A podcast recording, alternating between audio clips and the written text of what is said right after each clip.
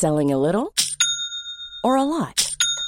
Shopify helps you do your thing however you cha-ching. Shopify is the global commerce platform that helps you sell at every stage of your business. From the launch your online shop stage to the first real life store stage, all the way to the did we just hit a million orders stage. Shopify is there to help you grow. Shopify helps you turn browsers into buyers with the internet's best converting checkout. 36% better on average compared to other leading commerce platforms because businesses that grow grow with Shopify. Get a $1 per month trial period at shopify.com/work. shopify.com/work. Planning for your next trip? Elevate your travel style with Quince. Quince has all the jet-setting essentials you'll want for your next getaway, like European linen, premium luggage options, buttery soft Italian leather bags, and so much more. And is all priced at 50 to 80% less than similar brands. Plus, Quince only works with factories that use safe and ethical manufacturing practices. Pack your bags with high-quality essentials you'll be wearing for vacations to come with Quince. Go to quince.com/pack for free shipping and 365-day returns.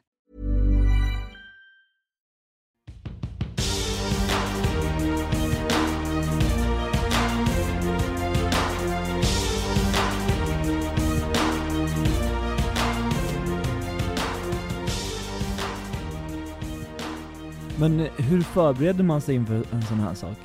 Nej men kan man ens det? Alltså jag har ju suttit här och skrivit typ en liten lista på typ såhär, okej det här ska jag nog ha med, men det, här, det kommer inte bli så här. Så blir, alltså det blir ju aldrig så. Men om man nu ska berätta om hela sitt liv, Ja. och liksom, har du gått igenom det? Har du suttit och bara så här, oj, reflektion? Jag tror inte jag har suttit och skrivit ner alltså allt vid ett tillfälle. Förstår? Jag har ju mina dagböcker. Så jag har ju liksom allt nerskrivet där.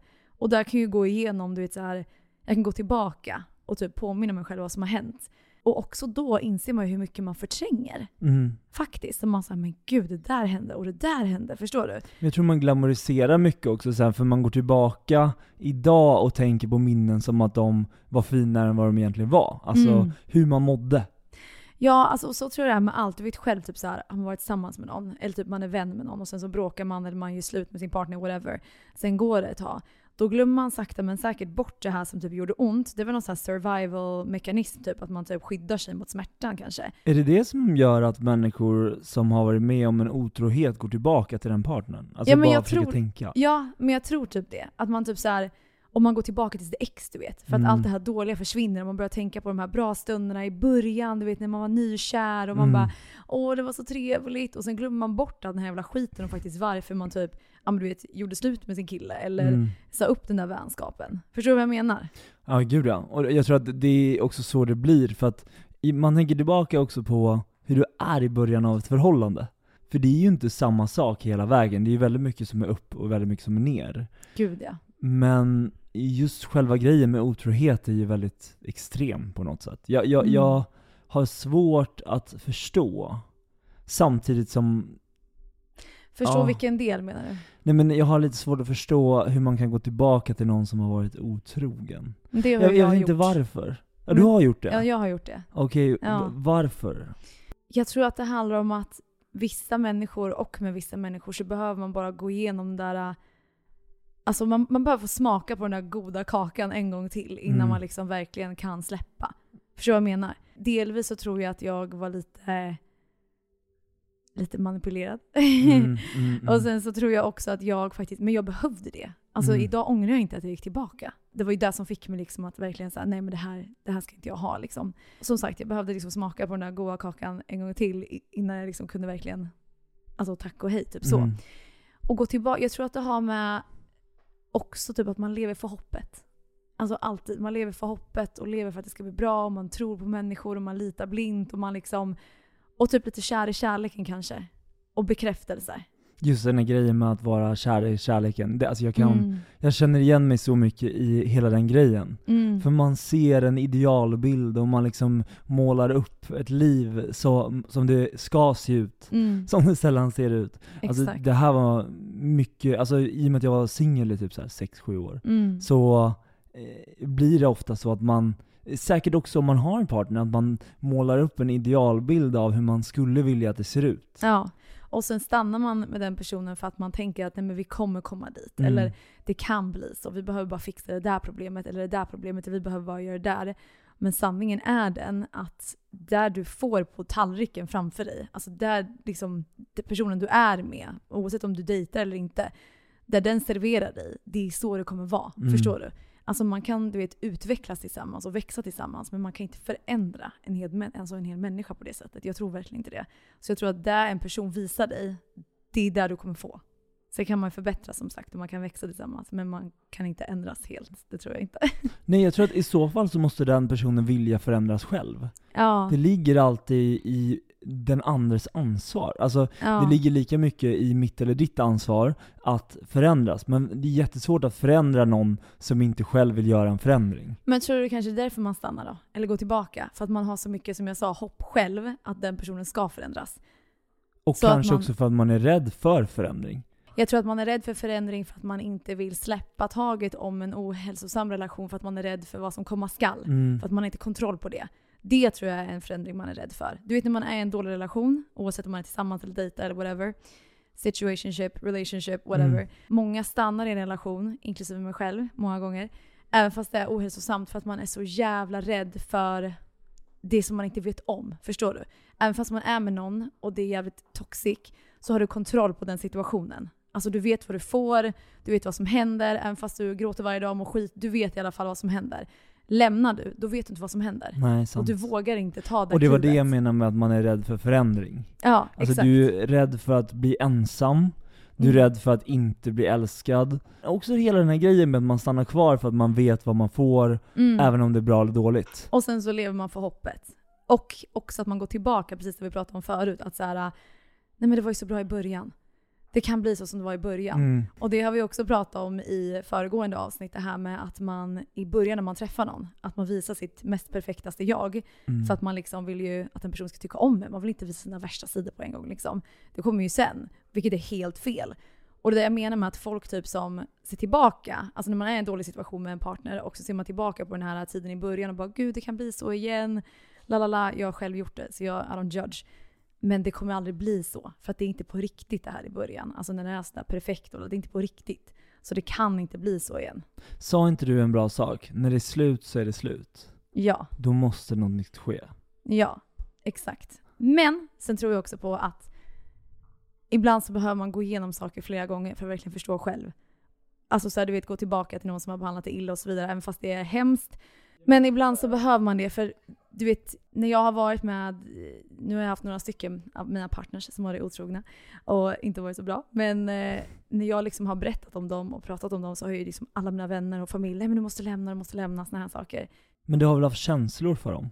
Jag Ja, det är ju att, det. Alltså, jag har varit med i flera destruktiva relationer som aldrig kom ut med att det var en relation. Mm. Men har man känslor för någon, även fast det är destruktivt, så stannar man kvar. Ja, men det är ju mer typ trauma bond. Alltså Mm. som det handlar om. Och typ att man är jätte-attached på ett ohälsosamt sätt. Men för mig var det mer av en grej när, när jag började liksom speak up om det som jag var med om. Så blev alla så anti, du vet. Och så här, nej men du måste lämna, det här är inte hälsosamt. Och då blev jag så här nästan tvärtom effekt. Att säga, jo jag ska fixa det här och vadå, ni ska inte få komma. Du vet nästan som att man teamar ihop sig med sin partner som inte var så bra för dig Mm. kanske. Typ så, det blir nästan motsatt effekt. Så därför tror jag på idag när typ mina vänner kommer till mig och har en os- alltså ohälsosam relation så är inte jag den som säger Gud du måste lämna och la la la, du vet han är en jävla skit, la, utan jag är verkligen så här gör, alltså det här är din process. Jag kommer finnas här, jag kommer prata med dig, jag kommer stötta dig.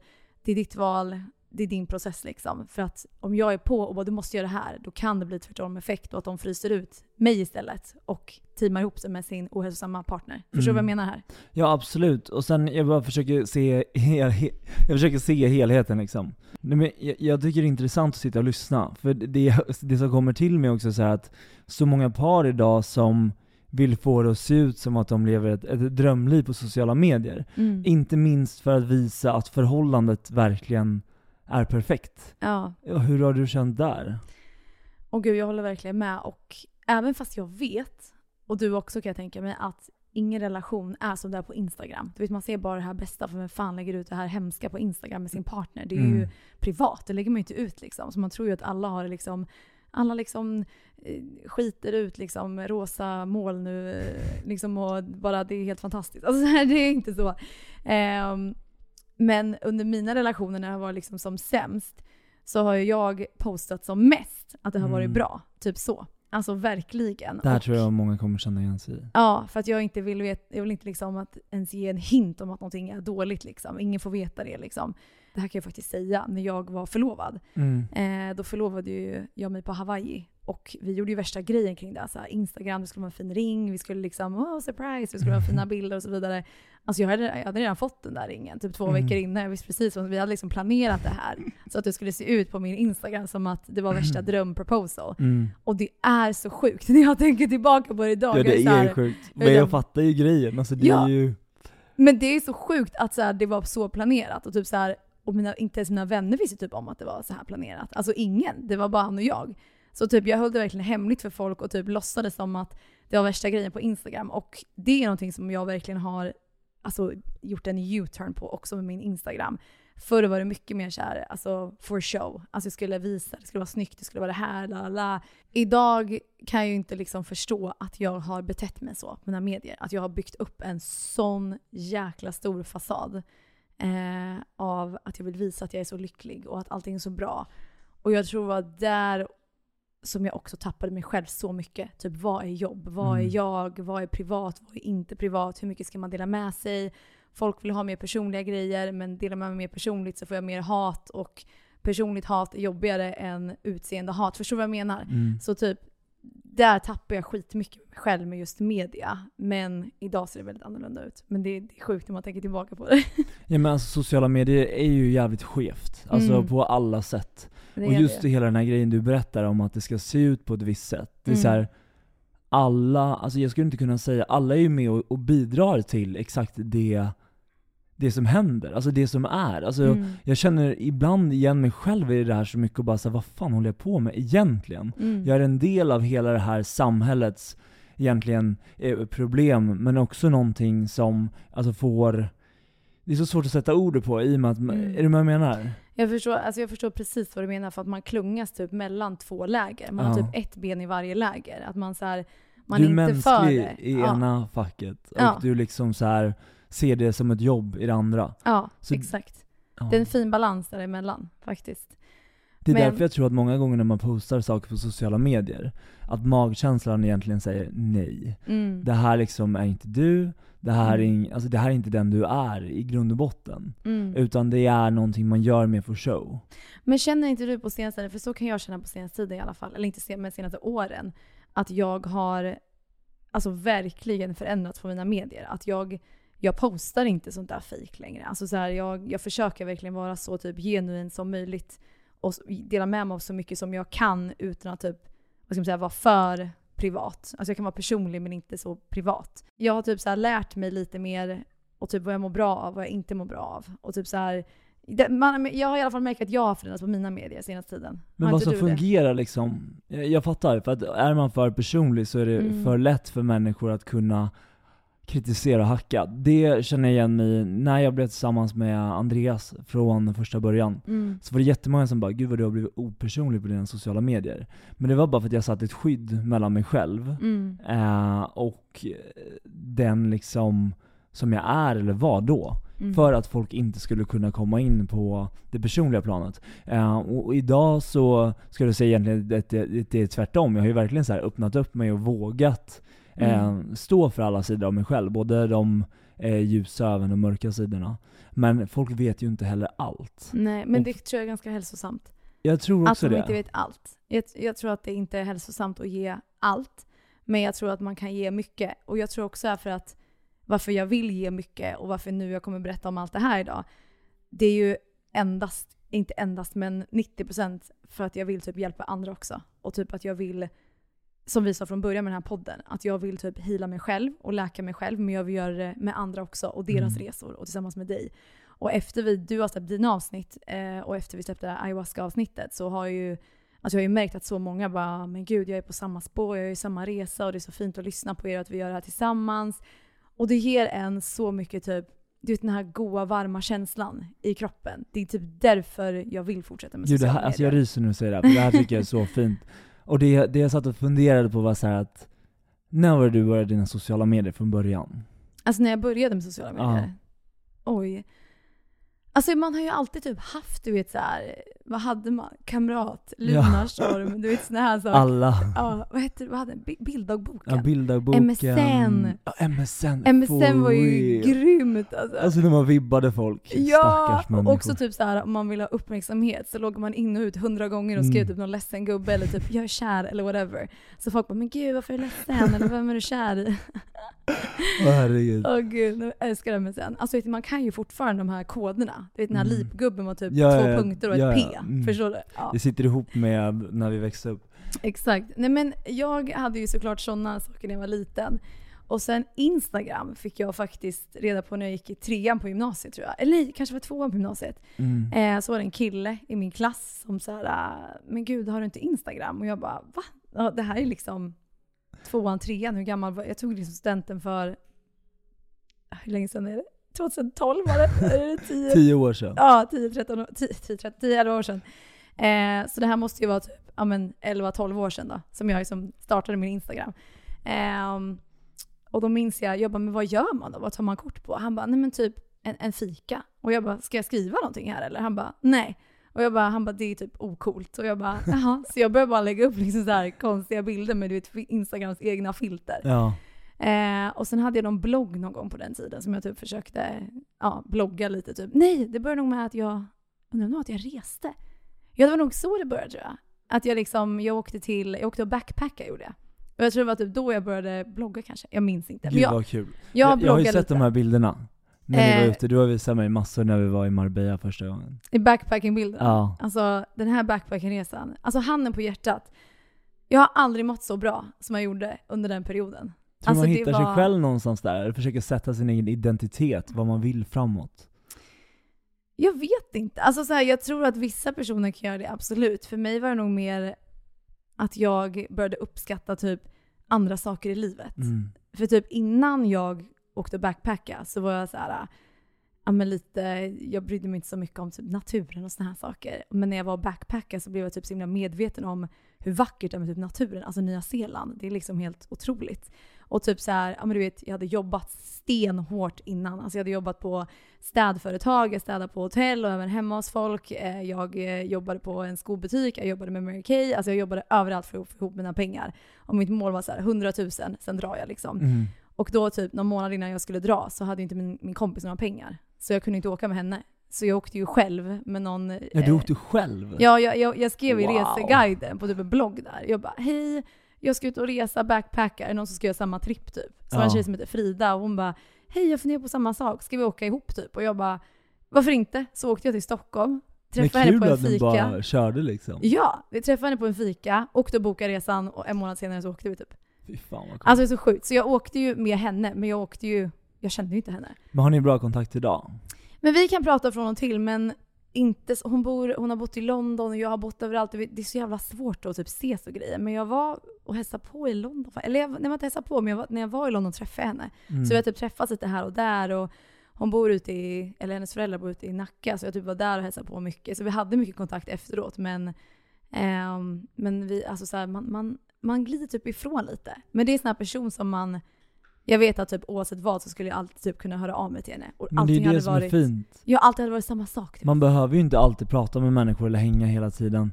Utan Nej. bara hela grejen med att man faktiskt vet var man har varandra. Det tycker jag är så fint, för vissa människor och vissa vänner Mm. som man inte träffar hela tiden, man vet var man har dem varje gång Mm. man träffar dem. och Så här, vi står säkert, det här är vilka vi är liksom. Det är samma sak liksom. Det och så finns det inte de vara- jag träffar flera gånger varje vecka som jag absolut inte känner så med. Exakt. Och det, jag tror att det, det är sådana relationer jag gillar. De här som man inte alltid behöver så ha så mycket kontakt med, men man vet att det är bara samma sak ändå. Mm. För jag är så dålig på att du vet, ha det här ringa hela tiden. Alltså jag, jag orkar inte. Jag hatar att prata telefon.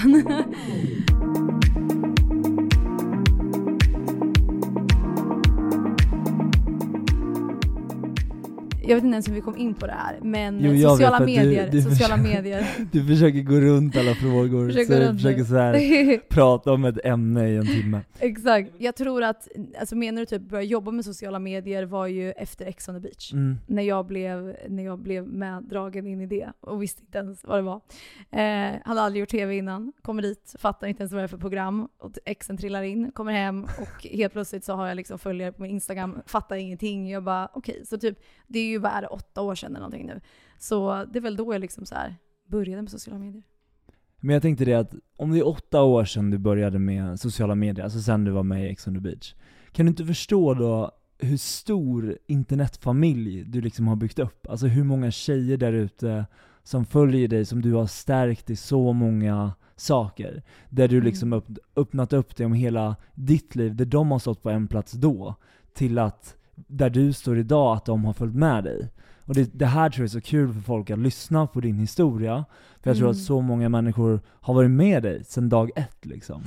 Det är faktiskt typ mina favoritmeddelanden. När mina följare skriver till mig och bara “Jag har följt dig så här länge och jag har gått igenom samma sak som du har med X och du har verkligen stärkt mig och jag har följt din resa och typ Ja men där du är idag, jag blir så inspirerad. Du vet såhär folk som har gjort den här resan med mig. Typ att man har vuxit upp tillsammans. Mm. Det tycker jag är så fint för att de som börjar följa mig då, de har ju också vuxit. Mm. De har också blivit äldre. Och de har gjort liknande saker som jag har, vissa av dem. Och att få dela det med dem och att de delar med sig alltså till mig också, av deras historia. Jag tycker det är så himla typ fint. Så det, jag älskar det. Så vi får väl se om eh, hur det här avsnittet, eh, hur det tas emot. Nej men det kommer tas emot på ett bra sätt, jag lovar. Men om man, om man backar bandet då?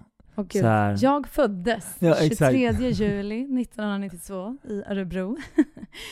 Ehm, Men i korta drag, hur skulle du säga att din uppväxt var? Jättebra. Alltså helt otrolig. Jag, eh, jag har en mamma och pappa och en syster som heter Jennifer. Och eh, vi är liksom från landet. Alltså verkligen landet. Jag spelade fotboll när jag var liten, eh, dansa, vi hade hästar. Min syster var mycket bättre på att rida än vad jag var. och liksom, alltså hade en jätte, jättefin barndom. Du vet så här, Idyllisk. Ja, alltså jag skulle faktiskt säga det. En jättefin familj liksom. Där mamma var mycket mer jobb och framåt och företag och skapa imperium. Och pappa kanske var den lite mer som var hemma och lagade mat och liksom stöttade mamma mycket. Men Mm. han är också egen företagare. Men hon har verkligen varit, vad ska man säga, den här powerkvinnan. Så Det är henne du har inspirerats av? Ja men så att växa upp med en sån typ stark kvinnlig förebild har ju verkligen alltså, påverkat mig. Att jag har hamnat i samma fotspår så att så här, jag ska tjäna mina egna pengar, jag ska bygga mitt imperium, jag behöver ingen. Och det är jag jättetacksam för att hon har gett mig. Men jag kan också känna att det har gått till en överdrift med mig själv. Och det är inte på grund av henne, det är på grund av mig själv. Och jag har tagit den, vad ska man säga, självständigheten och det här survival mode. Alltså jag har tagit det liksom för långt med mig själv, även i relationer. Så det är ju faktiskt senaste typ, ja men, året som jag har insett så här: shit vad jag är ute och cyklar på liksom helt fel bana. Eh, jag har inte förstått det innan. Men det kan vi ta sen. Men ja, jag hade en jättefin barndom. Inga konstigheter. Eh, skolan. eh, Ja, alltså jag har, alltså som barn har jag alltid varit du vet, den här spralliga, glada, positiva, super självsäker. Liksom, alltid. Och sen har ju det liksom avtagit. Vet, ju äldre man blir desto mer typ av den energin dör ju. Och man Mm. liksom blir osäker. Börjar liksom spana in sig själv, jämföra med sig själv. Är jag bra? Är jag inte bra? Det är såna här grejer. Och det är synd. För när man tänker på sig själv som barn. Gör inte du, eller gör du det? När du tänker på dig själv som barn. Det här liksom fria barnet. Att man bara är glad, lycklig, tacksam, leker. Alltså Mm. så här självsäker typ. Alltså så här, nu är inte alla barn så, men jag var ett sånt barn. Så när jag tänker på det så blir jag så här. Fan vad sorgligt egentligen att det där typ inte höll i sig. Att the society och människor runt omkring typ förstörde det där lite. Men jag, jag tycker samma sak, och jag, jag, jag ser mig själv, ofta när man gör så här, det som är väldigt meditativt, och när man liksom gör en session till exempel, där man får hitta barnet i sig själv. Även ofta när man typ drömmer drömmar om det, så kan jag tänka ibland bara så att någonstans där barnet i mig dog, i många fall, var när jag började skolan. För Mm. det var då man blev insatt i ett fack där man skulle vara på ett visst sätt. Ända fram tills dess var jag alltid den som kunde gå runt och leka med absolut ingenting. Mm. och bara så här fladdrar iväg i min egna värld liksom. Så jag tror att skolan, men allt som händer runt omkring det Mm. fostrar en lite till Gud, att liksom ja. så här det kommer till normer, regler, man ska vara på ett visst sätt. Är det vad jag menar? Ja, systemet liksom tar, tar över dig. Vi har ju lite olika typ så här skolgångar skulle jag säga. Alltså jag har haft en jättebra skolgång. Både liksom grundskola, eh, hög, högskola heter det så? Vad heter det? Högstadie. Högstadie. Gymnasie. Men däremot har jag alltid känt mycket press. Mm. Jag har alltid känt mig pressad att liksom vara störst, bäst och starkast. Jag, Vem kände du press av? Alltså kände du hemifrån eller kände du press nej, på dig själv? på, jag tror runt om, vänner, killar och mig själv. Typ att jag var tvungen att vara snygg, jag var tvungen att vara kaxig, jag var tvungen att eh, göra saker jag kanske egentligen inte ville för att jag skulle vara cool. Förstår du vad jag menar? Att jag liksom har gjort saker jag inte kanske ville och stod bakom egentligen. Men jag gjorde Mm. det ändå för att jag skulle vara den här coola, hårda, kaxiga tjejen liksom. Men var den här kaxiga tjejen? Ja men lite skulle jag säga. Ja men lite skulle jag säga. Jag slogs inte, eller så, absolut inte. Men jag hade ju mina tjejgäng och jag skulle nog säga De att slogs. de slogs, nej åt mig, absolut inte. Nej men jag skulle nog säga att jag var kanske lite ledartyp i ja, mina jag liksom, fattar gäng. precis vad du menar. Ja, och typ du vet, alltid skulle vara den här roliga och typ om någon var taskig mot min tjejkompis, då var jag där och bråkade åt Mm. henne, förstår du? Typ så här, ville ta alla fighter, du vet så här, hamna hos rektorn jämt. Alltså, du vet så här liksom. Och, men ändå liksom alltid känt att det inte är den kanske jag är. Mm. Alltså jag vet, jag vet att jag kom hem liksom efter skolan till min mamma många gånger och så här den här pressen. Jag, jag vill inte sminka mig så här. Jag orkar inte tänka på vad jag ska ha på mig och mitt hår måste vara perfekt. Och jag har alltid känt så att jag måste vara perfekt. Men började det liksom i skolan, alltså ända fram tills idag, på, alltså mer eller mindre? Men hela den här grejen med att man sätter så jävla höga krav på sig själv, var kommer det ifrån från början?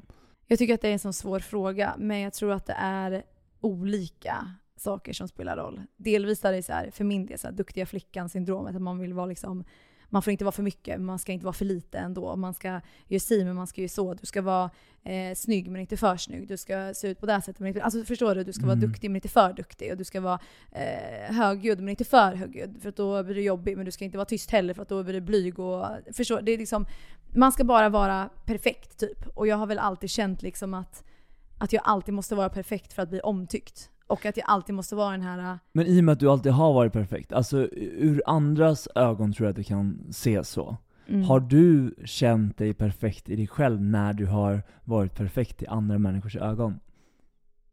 Det där, är så, det där är så sjukt, för jag kan inte sitta och så här. andra tycker att jag är perfekt, men, men det känns så himla sjukt att jag, att jag typ ska säga så. Förstår du vad jag Mm. menar? Men jag förstår ju vad du Nej men det menar var mer jag som så. sa det, men jag tror att väldigt många tjejer skulle säga att du är perfekt och ser väldigt perfekt ut. Mm. När, när de har tänkt så, till exempel, typ på en fest eller i skolan, had, har du själv känt i ditt huvud att du har varit perfekt? Eller har du bara eftersträvat det högre idealet eh, Mm. på ett annat sätt? Alltså är det vad jag menar? Det där Ja, kan... jag fattar vad du menar. Ja, men alltså jag har... Jag har nog aldrig känt att jag är perfekt. Jag har bara känt att jag behöver vara perfekt. Och då har jag gjort saker för att jag ska försöka bli så nära perfekt som möjligt. Förstår du? mm. Om någon tycker att mitt eh, hår är fult när det är kort, ja men då sätter jag i löshår. Om någon tycker att det är fult när jag har för mycket löshår, ja men då fixar jag. Förstår du? Jag har liksom typ anpassat mig efter alla andra så att alla ska tycka om mig. Förstår du? Jag har inte förstått att så här, förut i alla fall, när jag var yngre så förstod jag inte att det kommer alltid finnas folk som inte tycker om dig oavsett liksom hur du ser ut. Det spelar liksom ingen roll. För förr var det så här, jag anpassade mig, jag ändrade på mitt utseende, jag ändrade på min personlighet. Jag bara var som liksom en, Man följer strömmen. ja, men en docka som bara typ anpassade mig. Men gud, du? vet du vad? Det finns ju en så jävla bra film om det här, som heter Själen. Har du kollat på den? Själen? Nej. Ja, Själen. Wow, jag ryser i hela kroppen. Det kolla. är en Disney-film. Ah. Som handlar om att den här själen är en, liksom, en sprudlande färgglad Ja. själ. Ja. Men sen så kommer den in i vuxenvärlden och vuxenlivet, så ser man liksom hur den här själen bara dör ut. Alltså förstår du, när jag, förlåt att jag avbryter dig, men min ayahuasca när jag sa det första jag såg Ja, var massa färger och att det bara vissnade och dog. ja det är exakt så. exakt det här jag menar. Och då måste du gå in och kolla på själen. Alla ni som lyssnar på det här poddavsnittet, det första ni ska göra efter det här är att sätta på själen. Okej, jag ska kolla på Själen ikväll. Är det typ Dis- Disney plus? Ja, det är? Disney+. plus. We only have a short time on this planet. You want to become the person that you were born to be? Don't Don't waste your time on all the junk of life. What am I doing? Spend your precious hours doing what will bring out the real you. För att komma tillbaka till det här med perfekt och så vidare. Jag har alltid känt att i alla fall jag behöver vara perfekt. Och jag tror att det har tagit ifrån mig, vad ska man säga, mycket glädje också i mitt liv. Alltså att jag har känt som press på mig själv på alla möjliga sätt. För att det har bara varit mycket fokus på liksom mitt utseende. Och jag har jämfört mig jättemycket. Både ansikte, liksom kropp, eh, hår, ögon, alltså allt. Jag har mixat så mycket med mitt utseende som man, ja, du vet allt, allt. Olika hårfärger, linser, det här, fillers, det där, det där. Alltså så här. Och jag vet inte, det har alltid varit liksom en osäkerhet i mig. Att jag liksom hela tiden vill eftersträva det här perfekta utseendet. Um, och jämfört mig som sagt. Um, du är inte ensam om det. Nej. Jag tror att så många tjejer kan känna igen sig i, i själva beteendet och också att man är man, man är också väldigt osäker som ung. Mm. Alltså att växa upp idag i dagens samhälle med sociala medier, TikTok, att man ska vara på ett visst sätt. Alltså precis mm. det du säger. Men vad skulle du säga typ till alla de här 15-18-åriga brudarna som mm. liksom ser upp till alla de här men yngre också. Ja, men alltså du vet när jag pratar också. med folk som har barn som är så här, alltså det är så här 10 till 15 år. Alltså mm. så här, alltså nu vet jag, jag har inte pratat med polare som har liksom eh, killar, utan det här är tjej, deras barn som är tjejer. Och de har redan i den åldern börjat så titta på typ hur de ser ut, mm. hur ser kroppen ut, smink och du vet TikTok, allt det här liksom. Och jag måste verkligen säga det att jag hade hatat att växa upp idag. Alltså jag tycker att det är hemskt att se typ hur ungdomar påverkas och jag vet inte om jag hade klarat av det när jag var tonåring. Jag vet inte om jag hade klarat av att se allt det här. För då var det ju du vet det här Paris Hilton såg man på typ MTV. Du mm. vet så här, hur hon såg ut och um, hur den såg ut och Britney Spears typ, förstår du? Det var ju det här man typ såg i så här, typ, alltså på TV, liksom så här, någon tidning ibland. Det var ju inte liksom i ditt ansikte på sociala medier hela tiden. 24-7. Ja, så idag så mycket som unga människor matas idag av utseende, alltså du vet, jag skulle kunna gråta här och nu för att jag vet själv hur mycket press jag har känt, inte bara när jag var ung utan min tonår, alltså så här, nu också ibland. Nu är det bättre de senaste åren, men liksom för några år sedan, alltså det var jätte, jättedåligt mådde jag över hur jag såg ut och sådär. Um, så jag kan bara tänka mig liksom hur, hur unga känner idag och jag, jag förstår inte hur de klarar av det. Alltså de, nej usch det är hemskt. Det är hemskt. Nej, alltså, jag, jag, håller med dig så mycket. Det är så här, hade det varit som det är idag, när jag växte upp, och också så att man har en väldigt stor osäkerhet i sig själv på många, mm. många sätt. Att det blir så jävla mycket svårare. Men om man skulle ge något råd till, ja men ändå de som är i den åldern, vad skulle du säga då? Det är så svårt för att jag vill ju liksom säga typ så här, de här sakerna man alltid säger. Så här, du är fin som du är, du ska inte bry dig om vad andra tycker och tänker. Och, men det går inte in. Nej. Du vet så här, när folk har sagt så till mig, jag tar inte in det. Jag blir typ irriterad. Så jag vet inte vad jag har för råd. Jag tror att det kommer delvis med åldern. Mm. Att man växer in i ett annat typ av liksom... En annan det... typ av självsäkerhet. Förstår du vad jag menar? Men jag tror också att det har att göra med att jobba inåt. Alltså du måste, du måste börja arbeta i, i dig själv, med ditt hjärta. Alltså så här, inte vara i huvudet, utan vara i ditt hjärta och jobba mycket med dig själv och faktiskt trivas med dig själv. Men det här är så jävla svårt att säga till någon som det är, är 14 år. Men jag, jag, förstår vad du menar, och 100% ja. Och det ska man inte heller göra, du vet man är 14 år, man ska bara leva och ha kul. Men det är det som är synd, att när man är 14 år eller 10 år idag ska man mm. liksom så här sätta sig inför vad man måste vara för att leva upp till det. Mm. Istället för bara för att vara ung. Ja. Eller bara för att vara ung, för att vara barn liksom. Nej men det är hemskt. Det är hemskt.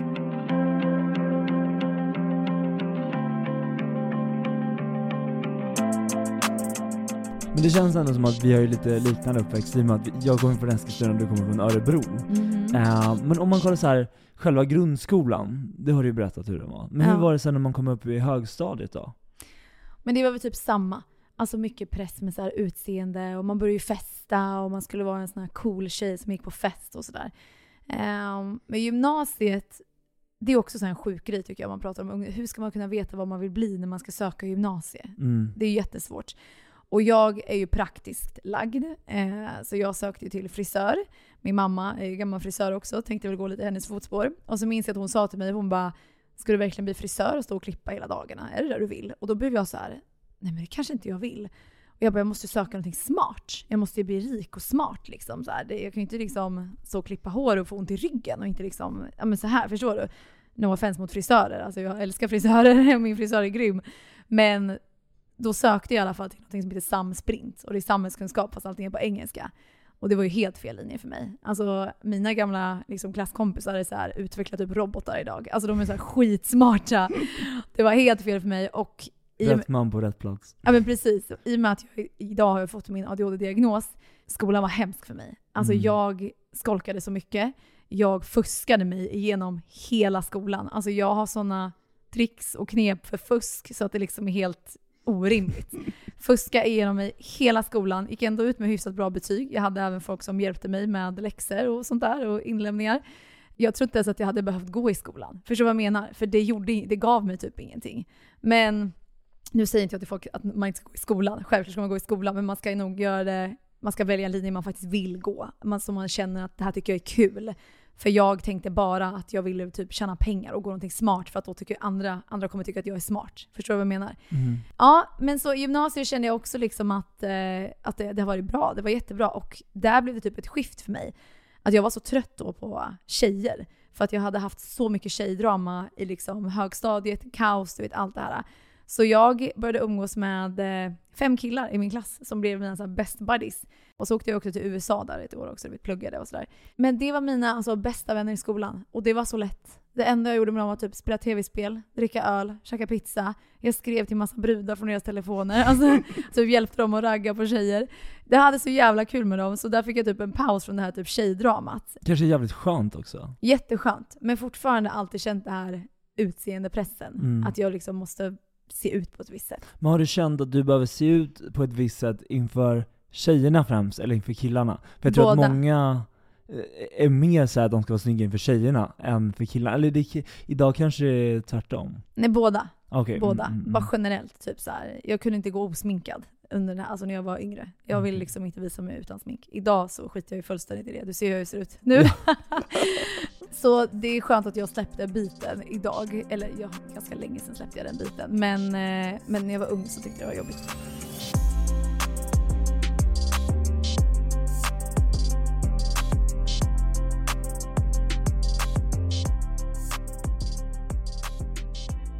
Jag tror att det var i gymnasiet som jag första gången liksom kände på ångest.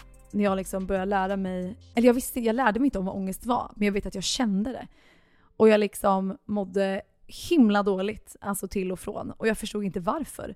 Och jag kan ju tänka mig att ADHD kanske har lite där också att göra, men jag kände mig så dålig hela tiden och att mm. jag liksom inte förstod någonting i skolan. Och jag var ju en cool tjej så jag tänkte just ställa mig liksom och bara kan du förklara igen till läraren för då kommer alla tycka att jag är knäpp och inte fattar någonting och är dum i huvudet liksom.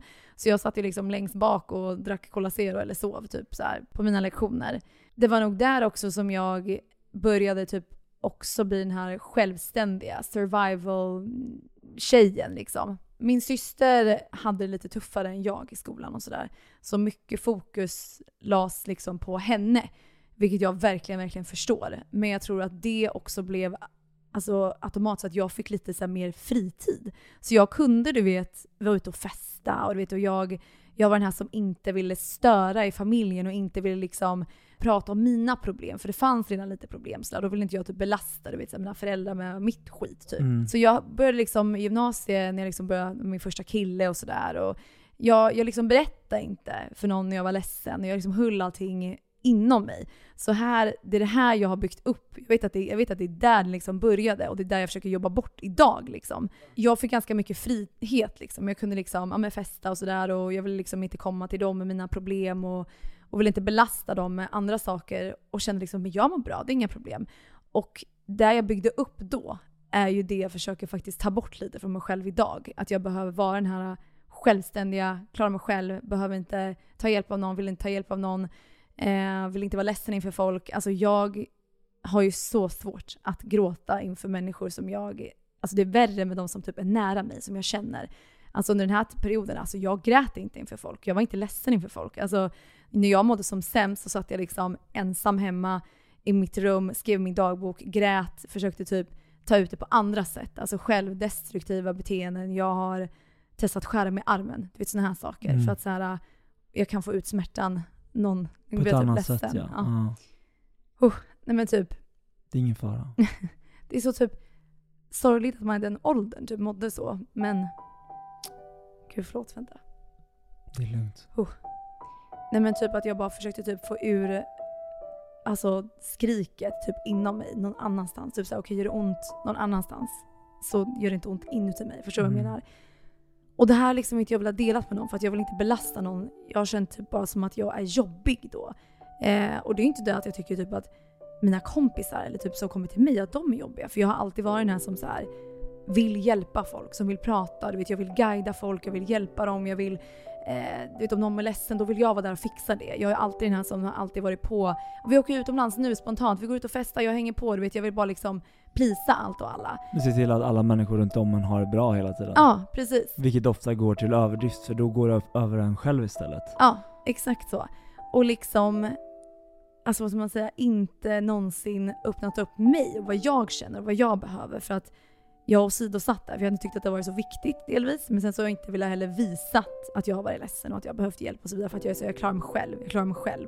Men kanske också för att du inte ville belasta dina föräldrar för de hade ju förmodligen fullt upp då med din syster, vilket de förmodligen kände att det var ganska jobbigt. Ja, men precis. Så jag tror att så. hade du pratat med dina föräldrar då, Mm. så hade ju de kommit till dig också.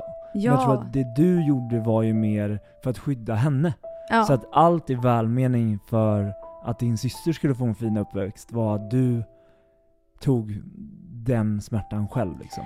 Vilket men- är väldigt tragiskt men samtidigt något fint. Ja men det, man kan ju se det på två sätt liksom. Men, eh, och det är inte så, herregud jag säger ju inte att min syster och mina föräldrar har gjort någonting fel här. Utan det här är ju verkligen jag som, ja, men som bara gjorde så när jag var ung. Alltså hur vet man? Jag hade ingen aning vad jag skulle göra liksom, eller vad jag skulle prata om och grejer. Och jag tror ju att jag säkert har försökt någon gång men inte kanske varit så tydligt och kanske inte fått den respons jag ville ha. Och då Mm. blev det ännu mer att man säger nej men jag tänker inte berätta för någon. Alltså inte bara mina föräldrar utan med andra personer också. Att man kanske har försökt på något sätt men inte fått typ den responsen man ville ha och då stänger man av ännu mer. Förstår du vad jag menar? När man typ, det är ju läskigt att vara sårbar. Och när man är sårbar och man får en käftsmäll tillbaka, då kryper man ju tillbaka in i sitt skal ännu mer och bara nej men här kommer Men inte då jag blir vara man ju sårbar livrädd igen. istället. Ja, Då exakt. man ju, alltså du, för du vill ju inte bli skadad. Exakt Du så. så här, på med varje så mask man kan få på. Ja, exakt. Och ju mer såna här saker som händer, desto mer lager av mask, masker, masker, ja, Ja, tar du ju masker. på, man ska säga.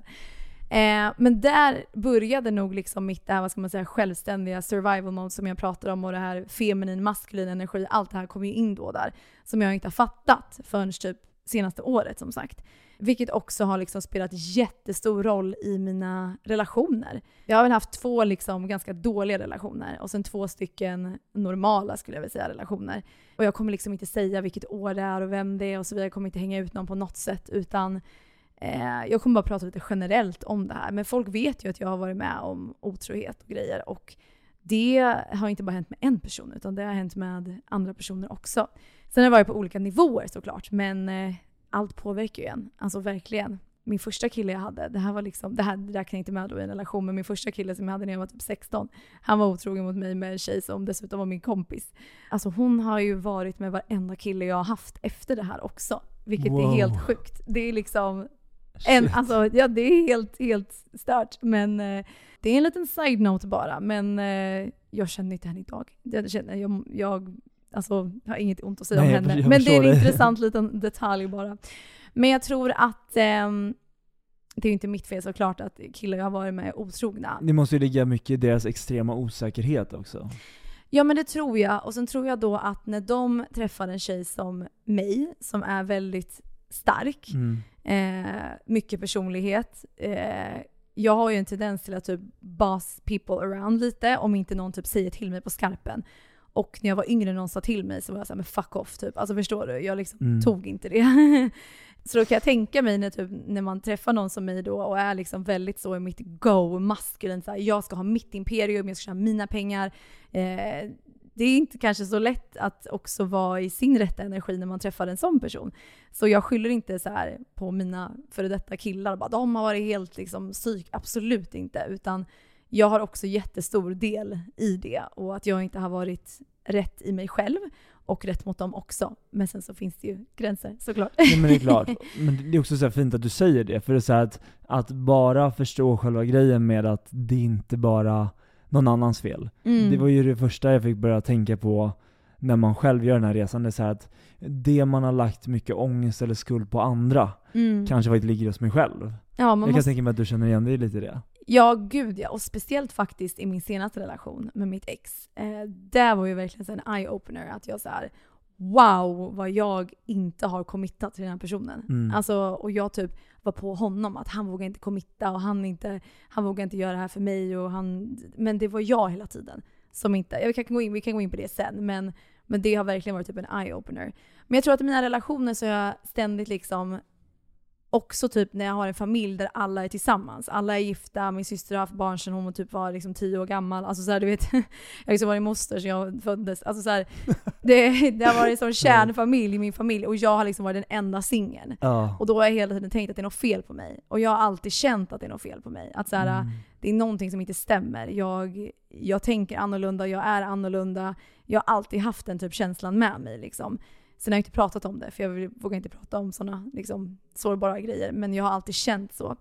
Och känt press att så, men jag måste hitta någon, och verkligen den där true love, den där kärleken. Och då blir vi kanske lite förblindad av kärleken och hoppat in i någonting som kanske inte kändes så bra. Men jag blev förblindad av kärleken. Och också tror jag att när jag har liksom gått in i alltså, förra relationer så har jag alltid låtit dem sagt till mig först att de älskar mig och de vill vara med mig och de gör allt för mig. Och då kan jag säga okej, nu kan jag öppna upp mig lite här för att nu vet jag att jag har han här som älskar mig så mycket.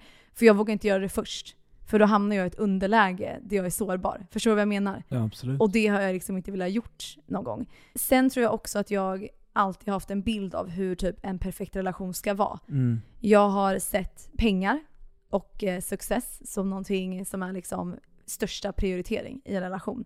Att jag liksom har tänkt att pengar det är det som gör mig lycklig. Och det är också någonting som jag har blivit matad med runt omkring mig hela tiden. Att så här, har du pengar så löser det sig. Alltså du, måste, du ska vara med någon som har pengar, du ska aldrig behöva fundera på pengar, pengar, pengar, pengar, pengar, pengar. pengar. Och då har jag tänkt att så här, om jag ska vara med någon som har pengar, typ så. Det behöver inte vara en superrik människa, men jag ska vara med någon som har pengar i alla fall. För då behöver jag inte tänka på det, för det har jag fått lära mig. Liksom. Det har jag hört att man ska vara med någon som har pengar. Men sen har jag också tänkt att om jag inte då har lika mycket pengar, då får den personen en maktposition. Mm. Och det vill inte jag ha, för då om han gör slut med mig eller är otrogen och någonting händer, då står jag där. Och då kanske jag har committat med barn och grejer och så står jag och inte har någonting. Och det är min mardröm. Mm. Så det vill jag inte heller. Så då har jag inte kunnat committa ändå för att jag tänkt på sådana saker. Och sen så har jag haft med mig i mitt huvud, alltså det här, det här är så sjukt, det här, till och med som tonåring så har jag liksom haft en plan. Och det här, det här är så sjukt men jag har haft en plan ända sedan jag var tonåring att så här, jag ska träffa en rik, en rik kille och sen ska jag lära mig hans ways, alltså hur har han blivit rik? Jag ska liksom, alltså lära mig allt det här. Så om någonting händer så vet jag liksom att okej, jag kan göra exakt samma sak Jag som älskar det han. här tänket. Det är exakt så många borde tänka. Nej men det är så här, men det är också så ohälsosamt. Mm. För att det är ju liksom, jag committar ju inte, jag skyddar ju mig när jag tänker så. För jag tänker ju hela tiden, jag ska ha en väg ut. Jag ska ha en väg ut, om det här händer, ja men då vet jag det där. Men äh, man ska ju inte behöva ha en väg ut om man inte ens har börjat en relation. Jag vet, men jag har varit sån, att jag har en väg ut. Varför tror du att du har varit det? Det här är intressant. För att jag har tänkt från början att det här kommer inte hålla ändå. Sitter det liksom i ett mönster av att du har sett andra människor som har haft en sån här relation? Nej, jag tror att när jag blev som mest sårad, efter det så typ så här förstörde det för mig helt med så här tillit till, till män liksom. Mm. Eh, och att jag verkligen typ tappade typ så här tron på typ kärlek och att så här, det, är ingenting, det är ingenting för mig. Typ att jag kommer inte hitta den där kärleken som alla pratar om och typ när folk är så här: åh han är min bästa vän och hon är min bästa vän och du vet gråter för att de är så kära i varandra. Jag är så här: nej men nej, alltså jag har min bästa vän, mina, mina polare liksom. Mm. Och sen så har jag min partner som är min partner, min partner ska inte vara min bästa vän. Du vet så här har jag tänkt och typ nästan sett typ ner på på folk som är sådär kära och gullig-gullig. Jag är såhär, men snälla du vet såhär, kan de sluta? För att det där finns, det är på låtsas. Det är bara fake du vet. Jag har inte liksom sett det som någonting fint och att det finns. Alltså efter att jag blev liksom sårad. Och det är väl där det kommer in med det här typ att committa, att jag inte har liksom vågat gjort det. Mm. Att jag liksom inte vågar vara sårbar och öppna mig och lita på någon och att det, den personen faktiskt har genuina intentioner och liksom vill vara med mig. För att jag vågar inte. Och det är det jag menar med min förra relation, att jag skulle inte ha gått in i den från första början för att det var inte det var, inte det, det var för tidigt. Jag hade liksom inte lärt mig någonting om det här. Men var det liksom för att du inte var klar med dig själv? Ex- Ja, exakt. Och la mycket på honom. Att så här, han ska komma och rädda mig. Jag har ett litet hål som jag liksom behöver fylla med kärlek och han ska fylla det. Och du vet, Det går aldrig. Nej, exakt.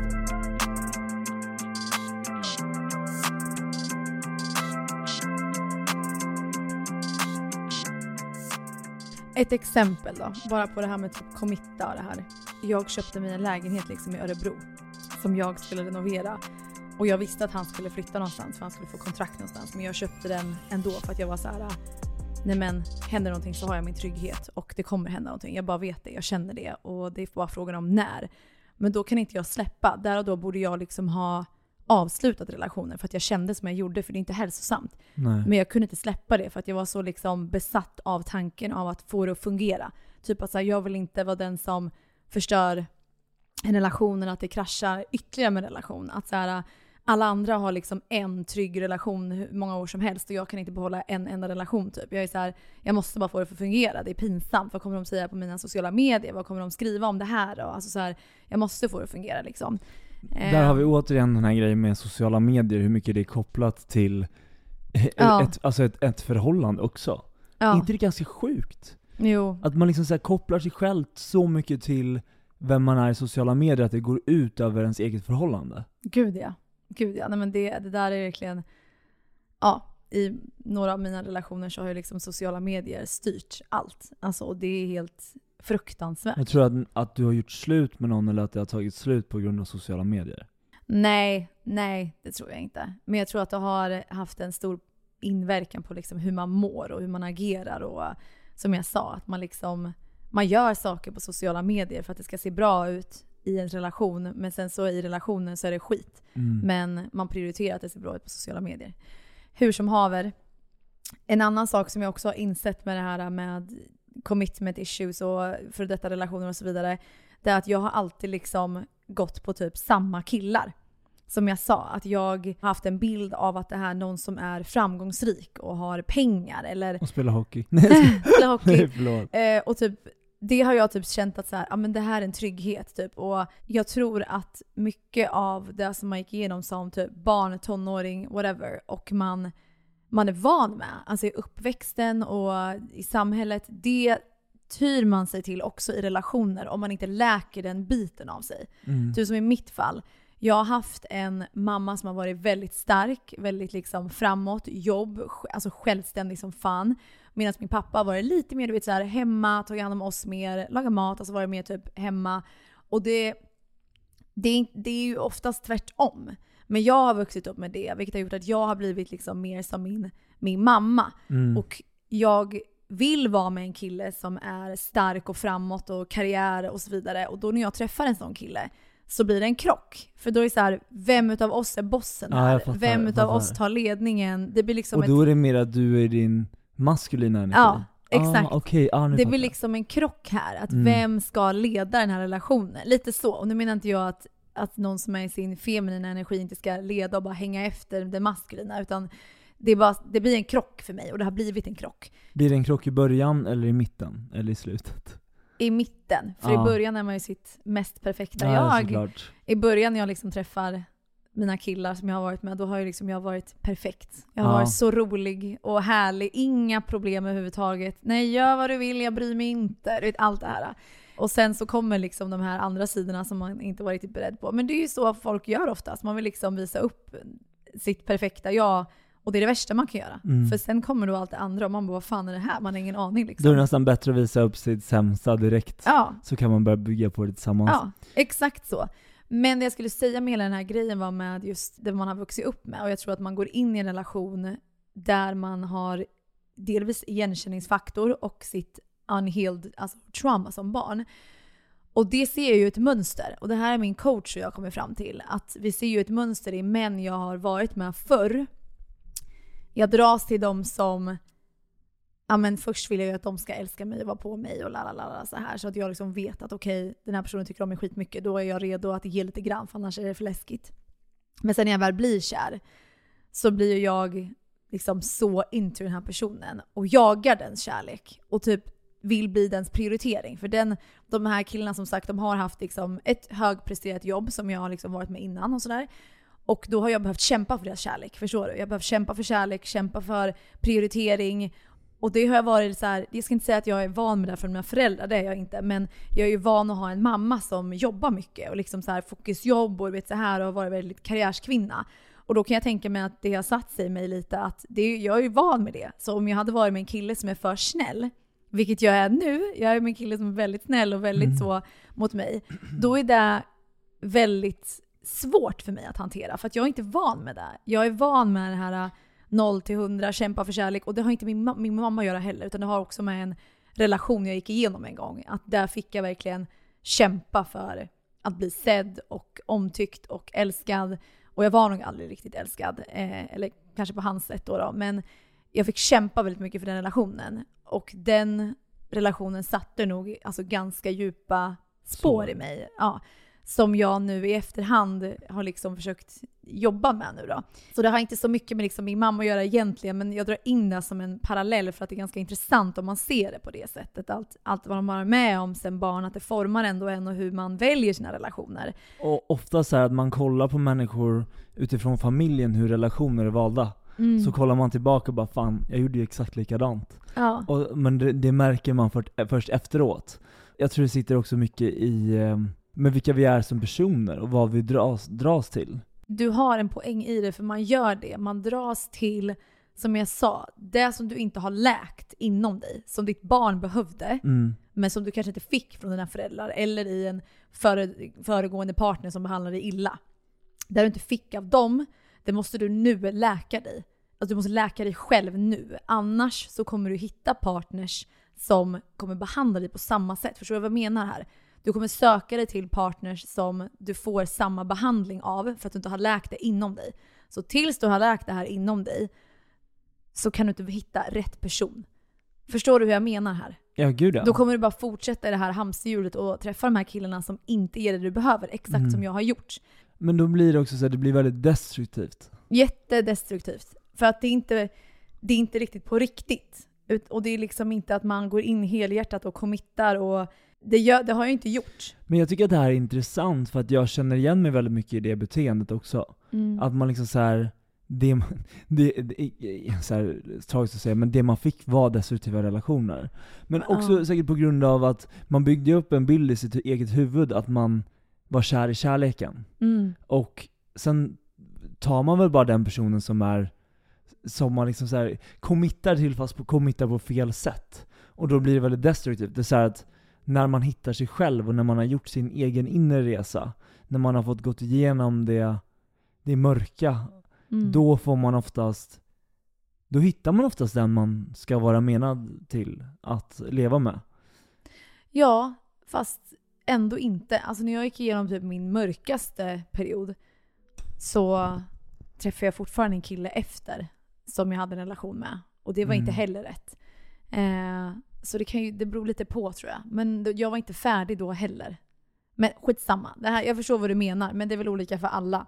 Hur som haver så, just relationsmässigt så, det här skulle jag kunna prata om hur länge som helst och jag har verkligen gjort det nu, sorry. Men bara, jag försöker bara typ så förstå mig själv och typ hur min barndom, uppväxt, hur dåliga relationer har påverkat mig dit jag är idag. Och hur jag faktiskt insåg vad, hur mycket har det påverkat mig. För det har jag inte gjort förrän förra året som sagt. Det är förra året som jag insåg att okej, okay, jag har saker som jag har vuxit upp med, som jag själv tillför i relationer som inte är rätt. Som jag måste liksom ändra på. Jag har också varit med om saker som har format mig. Där jag är mycket defense, alltså mycket försvars liksom, mode. Mm. Mycket survival, fight or flight. Att jag, mitt så här, nervous system är så enkelt triggat för minsta lilla. Jag har ju PTSD, det fick jag i samband med min ADHD-utredning. Så det här är ju ett bagage som jag liksom tar med mig in i en relation. Liksom. Vilket inte heller är typ fair mot alltså, så någon som kanske inte är då läkt. Som till exempel mitt senaste ex. Han var nog inte redo för att vara med en person som kom med ett sånt stort bagage, som hade blivit så sårad han är inte en dålig person på något sätt. Och eh, vi hade jättefina stunder. Men jag var inte redo, han var inte redo, utan det bara hände. på något sätt. Vi hade kul ihop och det bara liksom hände. Mm. Men det var inte, det var inte rätt liksom, energimässigt och vi var inte liksom läkta någon utav oss. Så det var inte bra. Nu när jag är med en person som, vad ska man säga, har mer gjort sitt jobb så kan han hjälpa mig i mitt jobb. Förstår du vad jag menar? Men att man läker varandra tillsammans. Ja, exakt. Sen är inte han färdigläkt, inte jag heller. Men det är en helt annan process nu. Men kommer man någonsin vara färdigläkt då? Jag tror inte det. För att nya saker händer ju hela tiden, så då nya sår. Men jag tror vi kommer sitta i den här podden om tio år och bara Ja, då går vi igenom 330... Nej jag ska. Nej men typ. Hej hörni, Viktor här. Alltså inte Viktor Frisk utan Viktor som klipper podden. Det här blev ett långt samtal och vi bestämde oss för att avrunda den första delen av det här avsnittet. Avsnitt två kommer ni kunna lyssna på nästa söndag. Så nu vill jag bara säga tack så mycket för att ni har lyssnat och vi ses nästa vecka.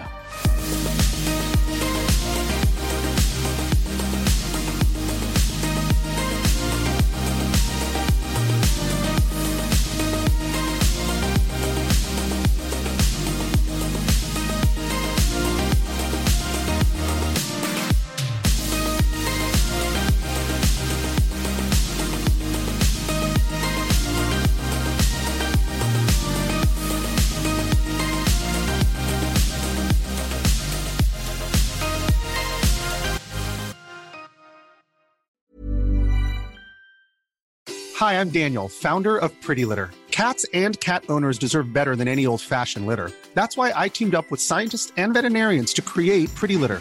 Its innovative crystal formula has superior odor control and weighs up to 80% less than clay litter. Pretty Litter even monitors health by changing colors to help detect early signs of potential illness. It's the world's smartest kitty litter. Go to prettylitter.com and use code ACAST for 20% off your first order and a free cat toy. Terms and conditions apply. See site for details. Planning for your next trip? Elevate your travel style with Quince. Quince has all the jet setting essentials you'll want for your next getaway, like European linen, premium luggage options, buttery soft Italian leather bags, and so much more. And is all priced at 50 to 80% less than similar brands. Plus, Quince only works with factories that use safe and ethical manufacturing practices. Pack your bags with high-quality essentials you'll be wearing for vacations to come with Quince. Go to quince.com slash pack for free shipping and 365-day returns.